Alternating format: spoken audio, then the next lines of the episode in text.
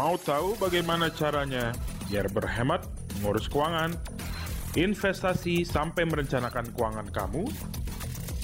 Dengerin aja Financial Talk podcast setiap hari Selasa. Mari kita sambut host kita, Melvin Mumpuni.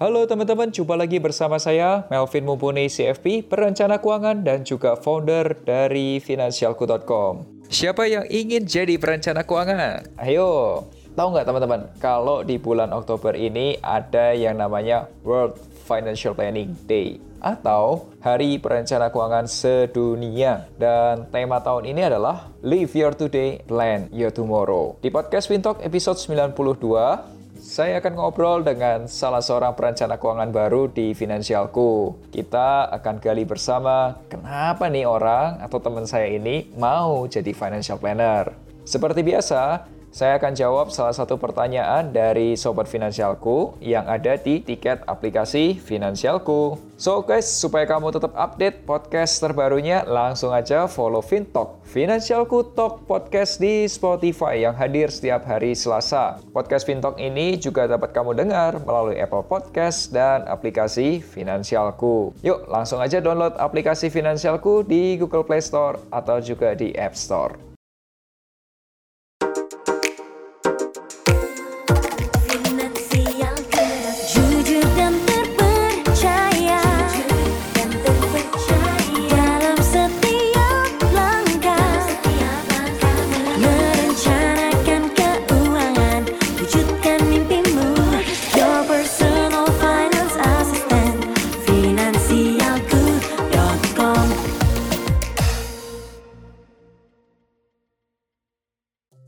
Sebelum bahas lebih detail, Sobat Finansialku dapat mengirimkan pertanyaan atau curhat keuangan melalui fitur konsultasi keuangan di aplikasi Finansialku. Dan jangan lupa kasih hashtagnya curhat keuangan. Kali ini curhatannya adalah dari seorang karyawan bank.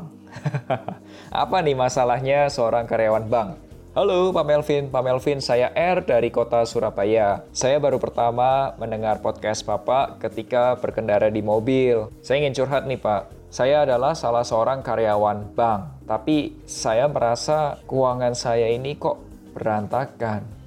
Sekarang ini, saya terlilit dengan pinjaman bank tempat saya bekerja, mulai dari kartu kreditnya, KTA, dan KPR. Saya bingung sebenarnya, Bagaimana cara mengatur keuangan yang baik? Saya ingin bisa lepas dari jeratan utang dan menjadi manusia yang bebas. Saya capek kerja tiap bulan untuk bayar cicilan terus. Terima kasih ya, Pak. Oke, yuk langsung aja kita jawab pertanyaan kamu. Halo R, thank you ya udah curhat. Aku tahu sih, kalau hidup kerja bangun pagi, pulang sore, kemudian ya cuma untuk bayar cicilan ya berat banget sih, benar sih. Dan teman-teman sorry nih, aku nggak bisa jelasin atau sebutin angka-angkanya, tapi yang bersangkutan sudah share semua data-datanya, income-nya dia dan utang-utangnya dia dan cukup fantastis. Oke, R, aku udah jawab pertanyaan kamu yang detail pakai angka-angka di tiket aplikasi finansialku. Saranku kamu baca ya. Dan KR, seorang yang kerja di industri keuangan, termasuk industri perbankan, itu tidak menjamin keuangannya dia rapi. Hal ini adalah hal yang sangat wajar dan banyak banget orang-orang yang bekerja di industri keuangan tapi terjerat utang. Teman-teman saya rangkum ya beberapa saran yang saya buat khusus untuk R. R di tiket udah aku kasih angka-angkanya lebih detail, tapi di podcast ini aku jelasin secara garis besarnya aja buat teman-teman pendengar. Pertama R, kamu stop dulu utang baru ya. Karena nggak ada tuh ceritanya gali lubang, tutup lubang, itu bisa solve permasalahan. Yang ada, lubangnya itu makin banyak dan makin dalam. Langkah kedua, Aku suggest supaya kamu bisa nambah penghasilan sebesar 2-3 juta per bulan. Aku yakin melihat background pekerjaan kamu dan kamu sudah cerita sudah berapa lama pengalaman kerja, aku yakin angka itu masih bisa diusahakan meskipun tidak mudah. Aku tahu. Dan dari tambahan pemasukan tersebut, sebagian kamu masukin untuk dana darurat dan sebagian untuk mempercepat pelunasan utang. Dalam case ini, aku suggest 1 juta itu untuk tambah dana darurat kamu dan sisanya percepatan pelunasan pinjaman. R, kamu start dulu ya, beresin kartu kredit yang nomor 3. Ya, saya nggak sebutin mereknya nih. Itu loh yang sisa utangnya tinggal 10 juta lagi. Kalau kamu lunasin itu ke utang kartu kredit, itu cicilan 600 ribu per bulan tuh bisa dipakai buat beresin utang lainnya. Lumayan lah. Dan kamu selanjutnya ikutin aja flow yang sudah aku saranin. Aku udah urutin tuh satu persatu plannya. Kamu beresin kartu kredit 3 dulu, kemudian KTA 1, kartu kredit 1, dan kartu kredit 2. Terakhir baru KPR kamu. Dan R, ketika kamu sudah lunas tuh semua kartu kredit dan KTA, ya lakukan langsung yang namanya financial planning supaya kamu bisa kejar target untuk dana pendidikan anak kamu. Jangan sampai anak kamu kesulitan biaya pendidikannya hanya karena orang tuanya terlilit utang konsumtif lagi. So, buat sobat finansialku, para pendengar podcast Fintalk, jika kalian mengalami kegalauan mengenai keuangan, investasi, asuransi, atau apa pun itu, langsung aja curhat ke podcastnya Finansialku. Caranya gampang banget. Kamu cukup download aplikasi Finansialku di Google Play Store atau juga di App Store. Terus langsung aja ke menu yang namanya konsultasi keuangan. Kasih hashtag curhat keuangan.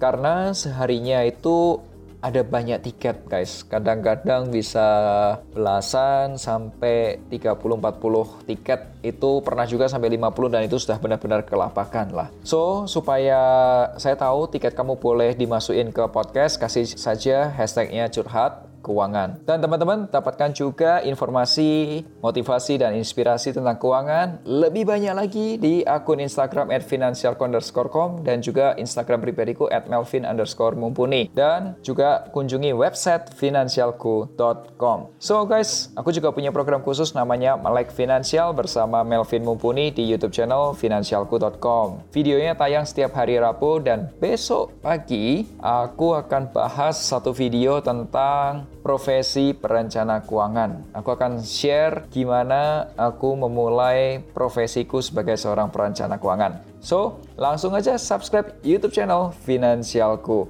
Yuk, langsung aja kita bahas diskusi kita hari ini bersama Rizky Syam.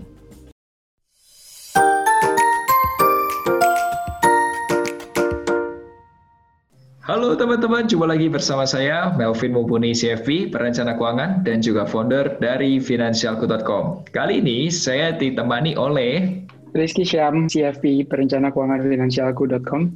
Ki, congrats ya, jadi seorang financial planner. Gimana nih Ki? Ya, yeah, thank you. Rasanya mm -hmm. udah selesai ujian, udah jadi seorang CFP.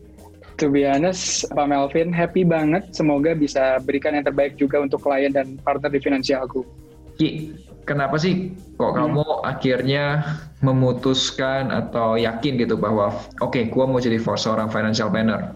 Awal mulanya bekerjanya aku tuh sebenarnya sebagai profesional di bidang fotografer dan desainer sebetulnya. Nah, kerja dari kuliah semester 4 aku udah mulai itu dapat job as a freelance photographer, editor, desainer dan sebagainya. Aku belajar cari duit, tapi ada sebuah masalah besar yang aku yakin semua orang juga alamin, yaitu sulitnya ngatur keuangan. Kalau buat aku pribadi ya, kalau urusan cari uang sih, aku percaya nggak usah yang namanya dimotivasi. Karena kalau misalnya orang sehat, pasti mereka cari cara gimana caranya untuk mendapatkan uang. Tapi problemnya banyak orang yang ekonominya itu nggak level up, bertumbuh gitu ya mereka tuh nggak bisa berubah untuk menjadi lebih baik dikarenakan mereka nggak tahu gimana sih caranya mengalokasikan uang yang mereka udah milikin aku tuh kerja di kreatif industri itu dari tahun 2015 sampai 2018. Okay. Sebagai freelancer, kerja aku juga nggak nentu, tergantung sama yang namanya project. Tapi sekalinya dapat mungkin kerja cuma dua hari, itu bayarnya udah kayak gaji seorang fresh grade. Tapi problemnya selama kerja tiga tahun itu, tabunganku tuh kosong.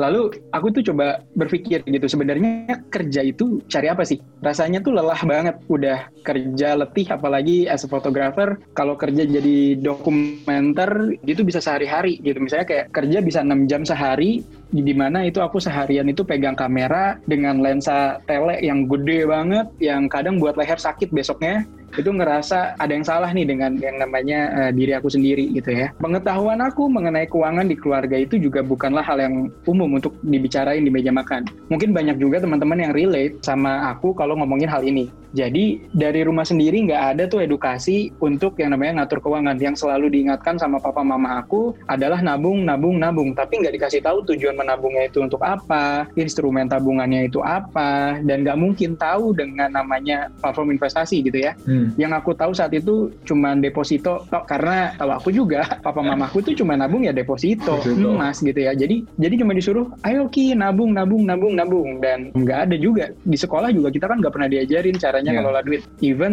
teman-teman juga yang kuliah di bidang akuntan gitu ya, mungkin mereka belajar financial planning tapi nggak sedalam itu gitu. Mereka ujung-ujungnya juga kewalahan juga, itu banyak. Ini case-nya adalah relate sama teman-temanku setelah lulus, selang beberapa bulan kemudian, aku ketemu dengan temanku yang berprofesi sebagai insurance agent. Dan aku harus bilang makasih banyak sama dia juga, karena dia yang membukakan aku dengan semua pemikiranku sekarang di bidang keuangan. Awalnya aku kenal produk keuangan adalah asuransi. Kita ngomongin keamanan keuangan nih. Akhirnya aku belajar sama beliau gimana sih caranya asuransi dan industrinya selama dua tahun kurang lebih. Dan ini sangat-sangat membukakan mata dan pikiranku dalam financial planning khususnya punya banyak klien, ketemu banyak kasus dan sebagainya, aku realize as a financial advisor, usually kita nggak bisa bantu banyak. Kalau klien nggak mau produknya yang kita bawain, kita nggak akan offer produk yang lain. Bahayanya adalah kalau kita tahu ada produk yang sebenarnya pas untuk si klien yang saya temuin itu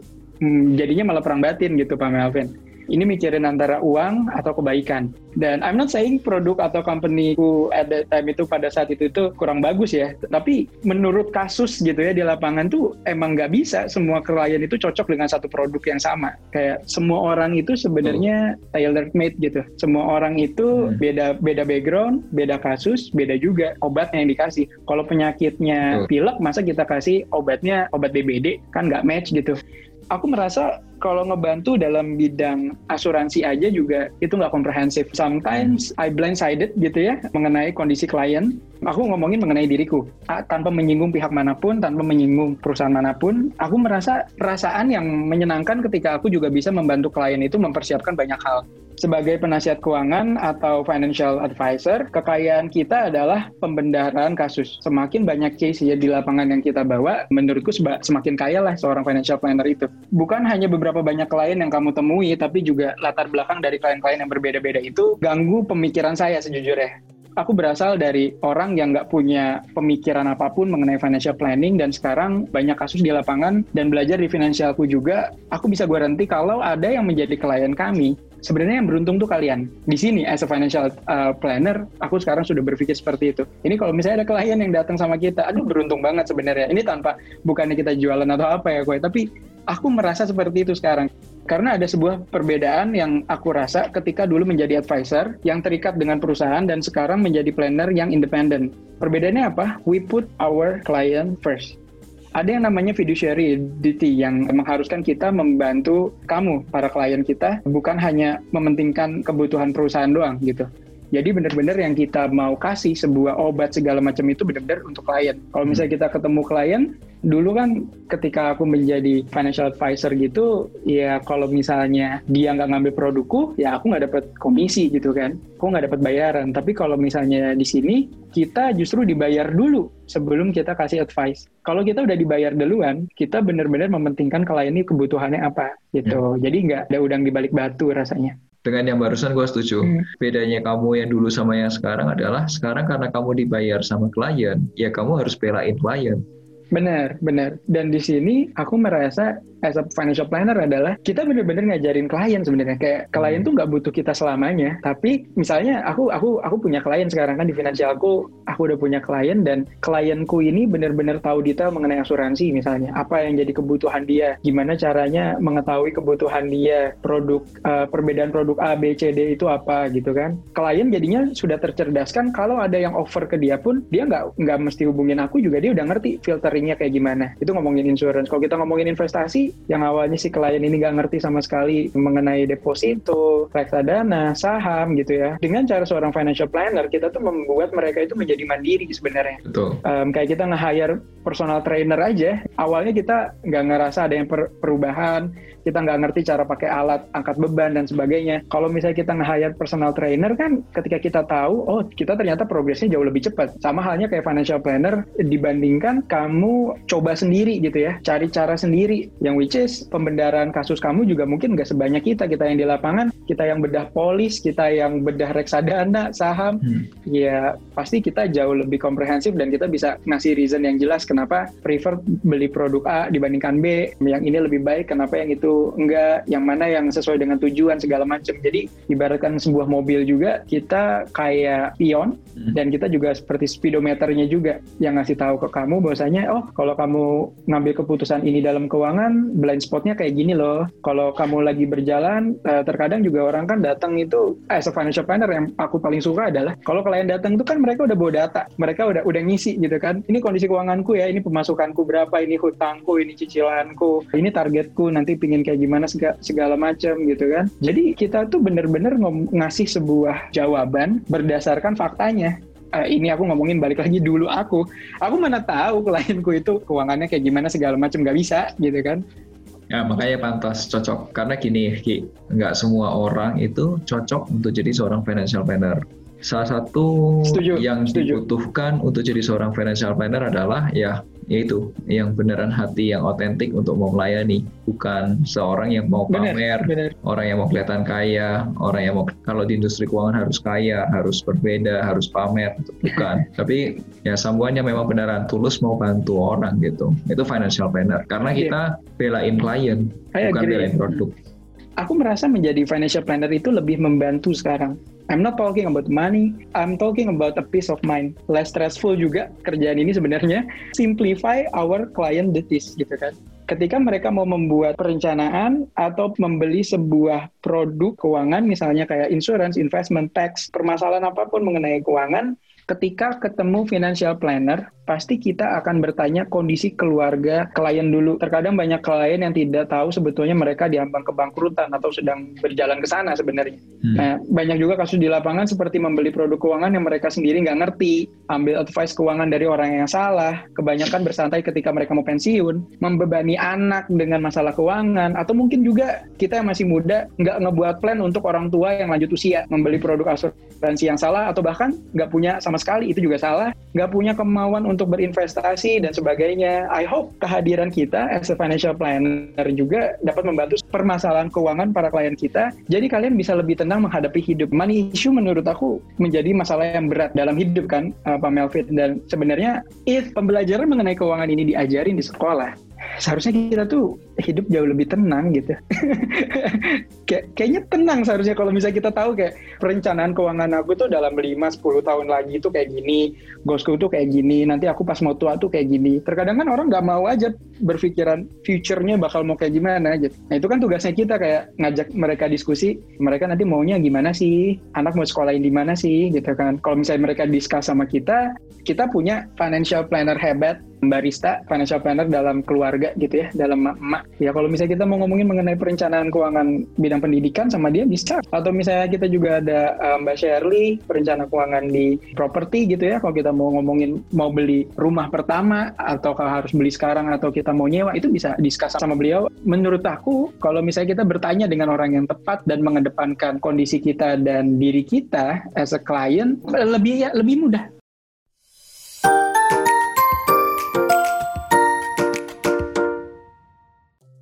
Ki, okay. awalnya gimana tuh?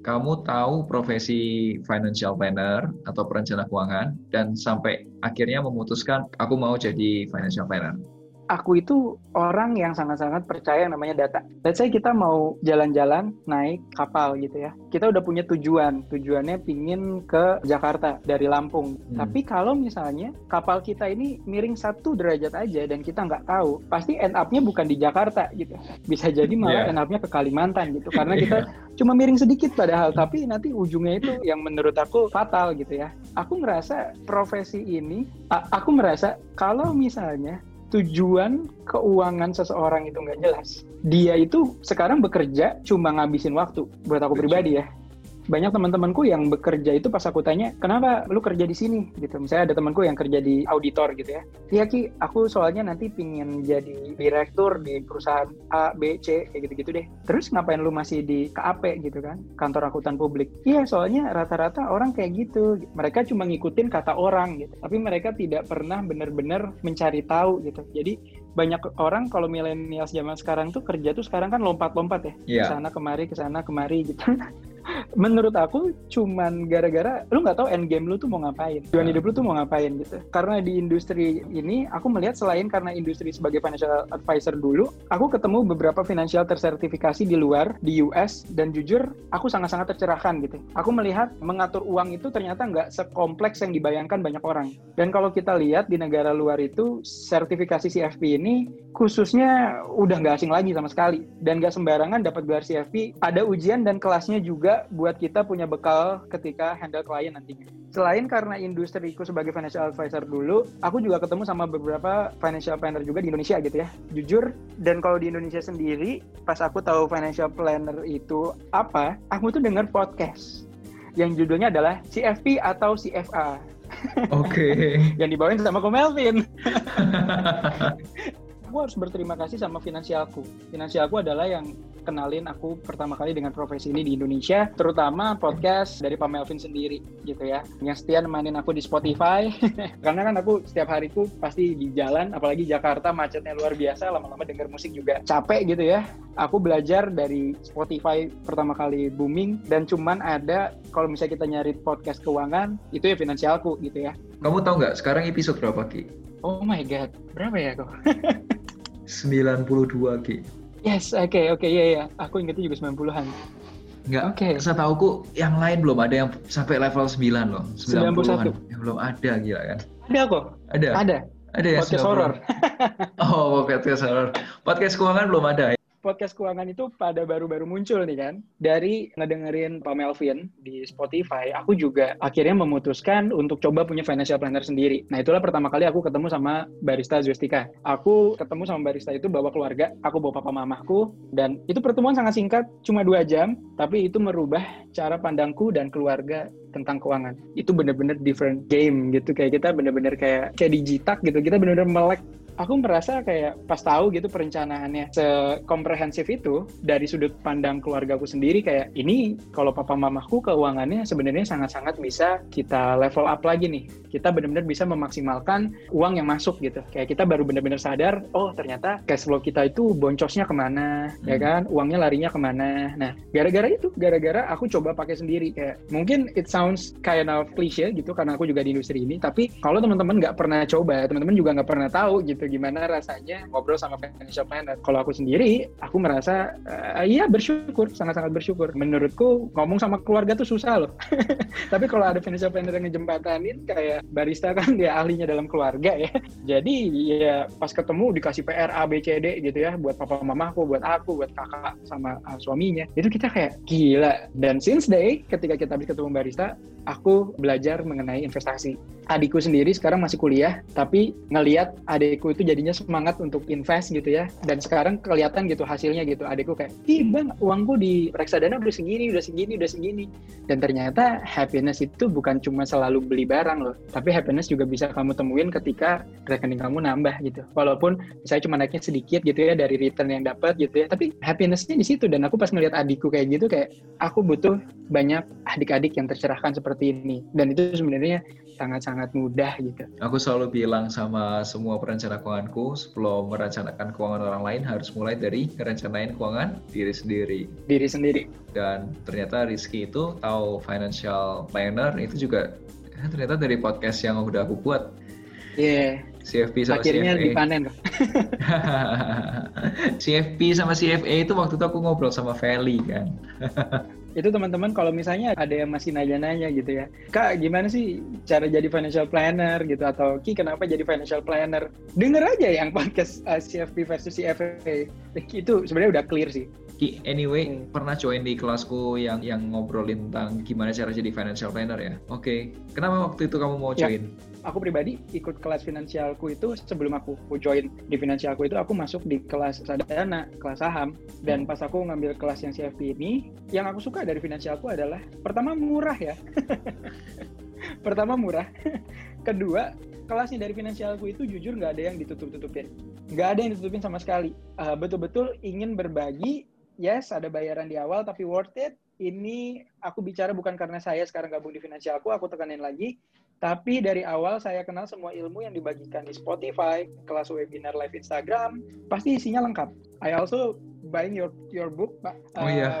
Kalau teman-teman mau belajar singkat cara mengatur keuangan, coba deh beli buku Make a Plan and Get Your Financial Dreams Come True. Um, itu sebenarnya the easiest way kalau kalian merasa bayar fin plan itu mahal, ya udah baca dulu deh dari situ.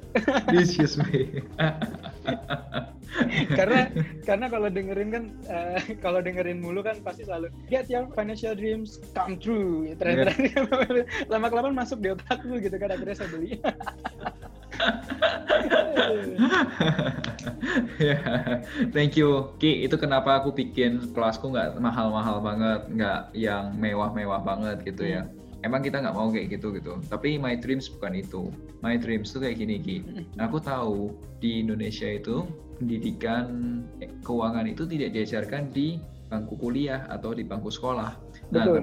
tapi aku Betul. menyadari dengan adanya internet, dengan adanya teknologi, itu orang nggak melulu harus belajar di sekolah, bisa dapat informasi dari banyak channel lewat YouTube, lewat Spotify, hmm. lewat mungkin Zoom webinar atau mungkin juga lewat kegiatan offline, event gitu dan lain sebagainya. My dreams cuma satu sih, aku pengen lihat Indonesia itu masyarakatnya itu tahu tentang keuangan, dia literasi keuangannya naik, ngerti tentang gimana cara yang ngatur uang, pakai uang, punya mindset, oke, okay, kok punya hmm. dreams, pengen nyekolahin anak dan lain sebagainya. Dan kamu tahu nggak, ketika itu terjadi, mimpiku itu terwujud, wah Indonesia itu tempat terindah di dunia untuk tinggal. Jadi value-ku adalah bukan untuk pamer kesombongan, wah gila kalau financial planner ngomongin tentang keuangan itu harus yang mewah, yang harus yang hmm. parlente, kalau udah mobil mewah, mobil sport, dan harus bintang 5 dan lain sebagainya. No, karena finance is a part of us gitu. Dan aslinya kamu yang beneran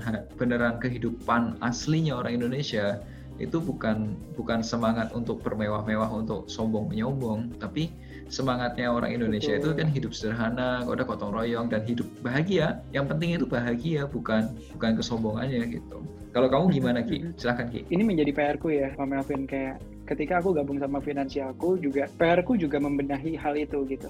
Aku merasa dulu kalau misalnya cerita flashback sedikit, aku itu kan SMA itu di negeri dan itu juga bukan di Jakarta gitu ya, itu di daerah um, masih kota sih, di kota Serang dan kota Cilegon gitu. Pas aku jam out ke bangku kuliahku, aku kuliahnya di Jakarta di Swiss German University di hmm. Tangerang sebenarnya. Di Swiss German University itu orangnya kayak bener-bener beda jauh gitu ya. Aku melihat gaya hidupnya berbeda, pemikiran pun berbeda. Aku melihat banyak banget teman-temanku yang di kampus pada saat itu, mereka itu nggak ada yang namanya financial concern lagi gitu orang tuanya. Gimana caranya orang tuanya itu pada nggak punya financial concern? Mungkin mungkin nggak nggak gede juga, karena aku melihatnya jauh lebih rileks gitu teman-temanku yang ada di kuliah dulu. Itu orang tua orang tuanya yang udah ngerti literasi keuangan, mereka itu bisa ambil yang namanya pensiun muda. Mereka itu nyekolahin anak itu cuma dari hasil investasi mereka benar-benar udah settle gitu dengan keuangannya mereka udah nggak nggak pusing gitu sedangkan dulu aku tuh masih mikirnya tuh karena juga aku kan background keluarga itu bukan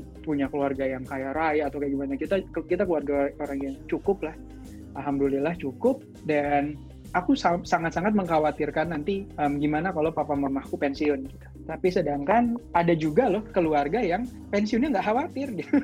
Yeah. Jadi anaknya tuh nggak nggak stres gitu, kayak nggak nggak usah yang yang tadi aku aku bilang gitu.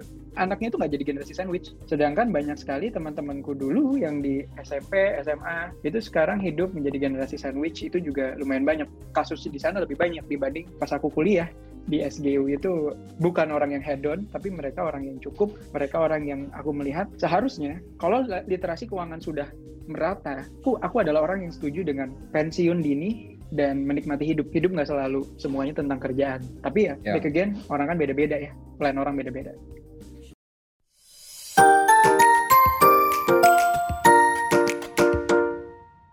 Ki, sekarang kan kamu sudah jadi financial planner. Ceritain dong nih, kira-kira kamu akan jadi spesialis di bidang apa?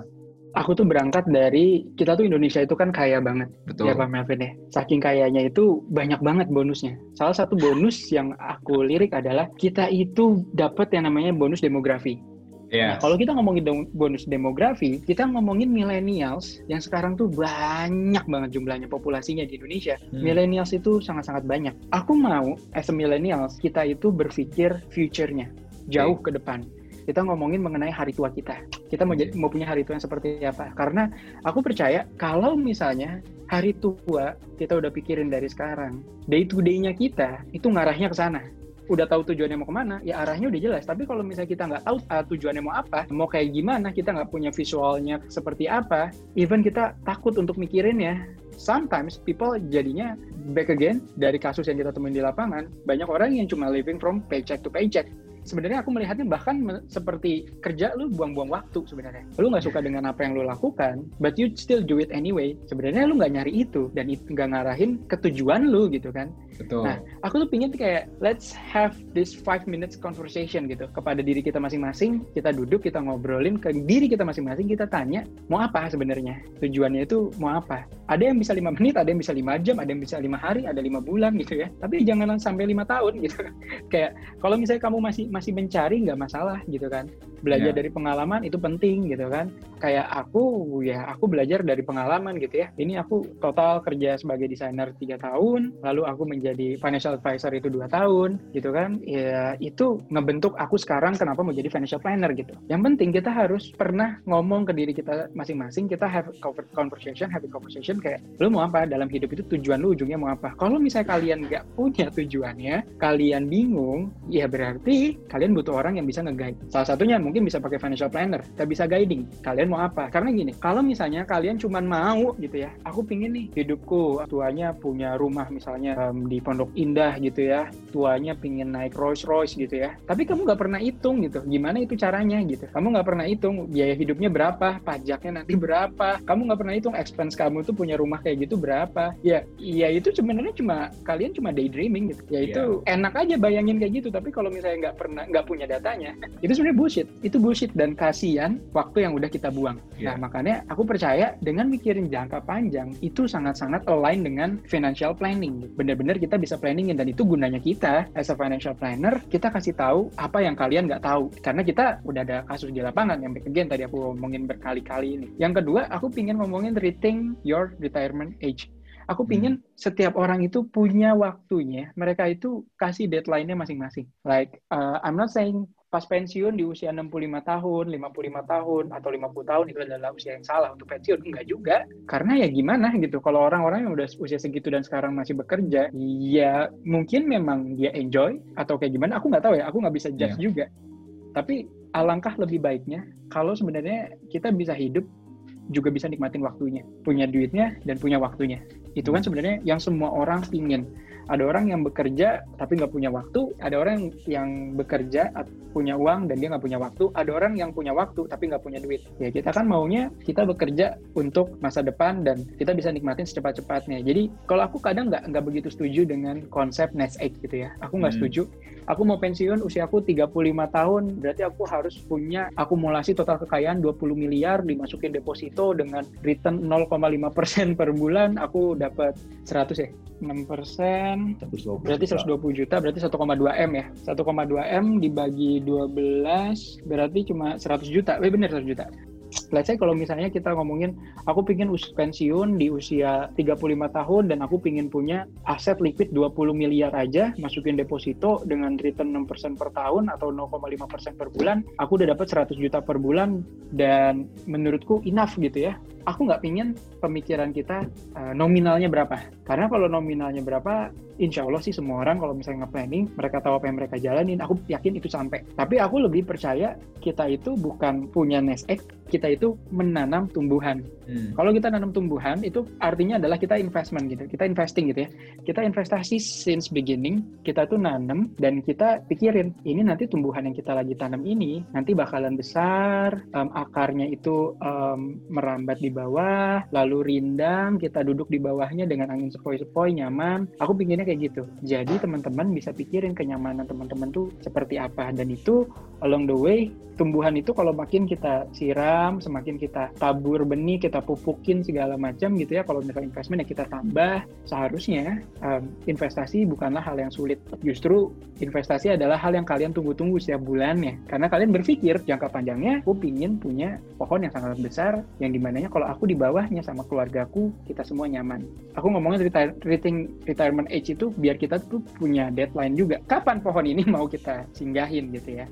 Yang ketiga, dream about retirement more karena banyak orang tuh lucu banget sih mimpi kan gratis tapi takut gitu kayak gue takut nih yeah. kalau nanti gue pensiun usia segini nanti kayak gini kayak gini kayak gini. Gue nggak tahu nih ki apakah pensiun gue itu pingin punya gaya hidup yang kayak gini kayak gimana kayak gimana. Gue nggak tahu nanti anak gue mau sekolahin di mana bla bla bla. Iya coba aja pikirin gitu. Coba aja belajar untuk punya sebuah mimpi gitu. Kalau kita punya sebuah mimpi kita punya sebuah tujuan. Kalau kita punya sebuah tujuan apa yang kita gerakan dari tubuh ini pasti ngarahnya ke sana juga. Jadi mimpi mengenai hari tua itu penting. Kalau kalian nggak tahu coba tanya sama orang-orang yang sudah di level keuangan yang kamu suka.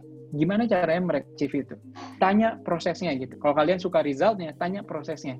Kalau prosesnya kalian suka, jalanin apa yang dia jalanin. Day to day-nya, fokusnya dia, segala macam. I think, kalau misalnya pemikiran untuk jangka panjang, ngomongin hari tua itu clear, kalian mau kerja apa pun di bidangnya kalian, kalian bakalan menjadi masternya.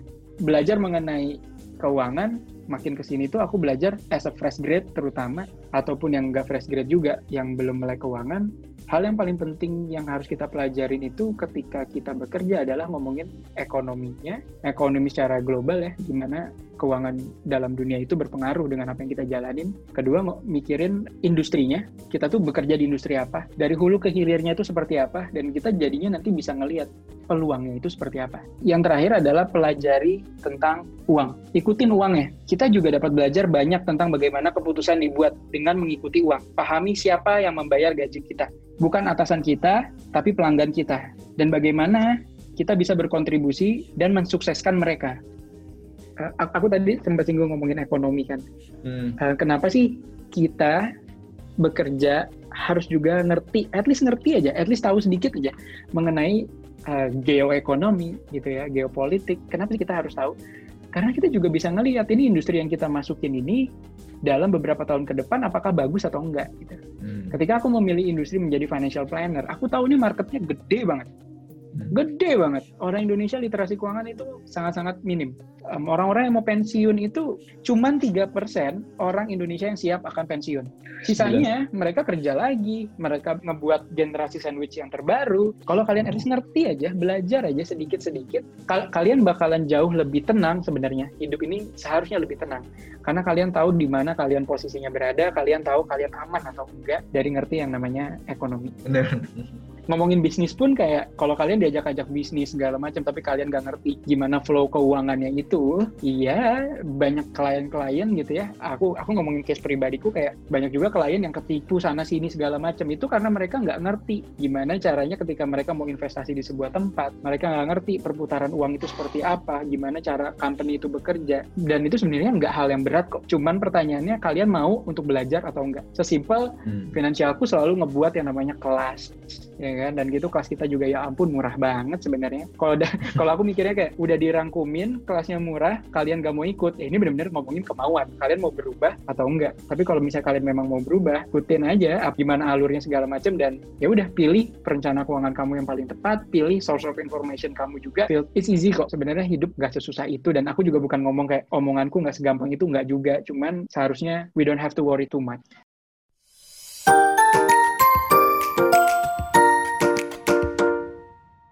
Ki, ini kita sudah di akhir podcast kita dan apa nih yang bisa menjadi pesan atau saran buat teman-teman pendengar kita kali ini?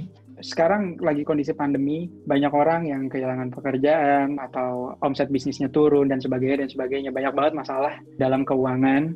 But the thing is, kalau misalnya teman-teman wajib punya yang namanya perencanaan keuangan, teman-teman harusnya lebih tenang untuk menjalani hidup. Aku percaya ngobrolin tentang keuangan itu banyak orang tuh banyak kan pusing gitu ya banyak orang yang anggap remeh, banyak orang yang nunda untuk ngomongin ini, baik ke diri sendiri ataupun ke pasangan.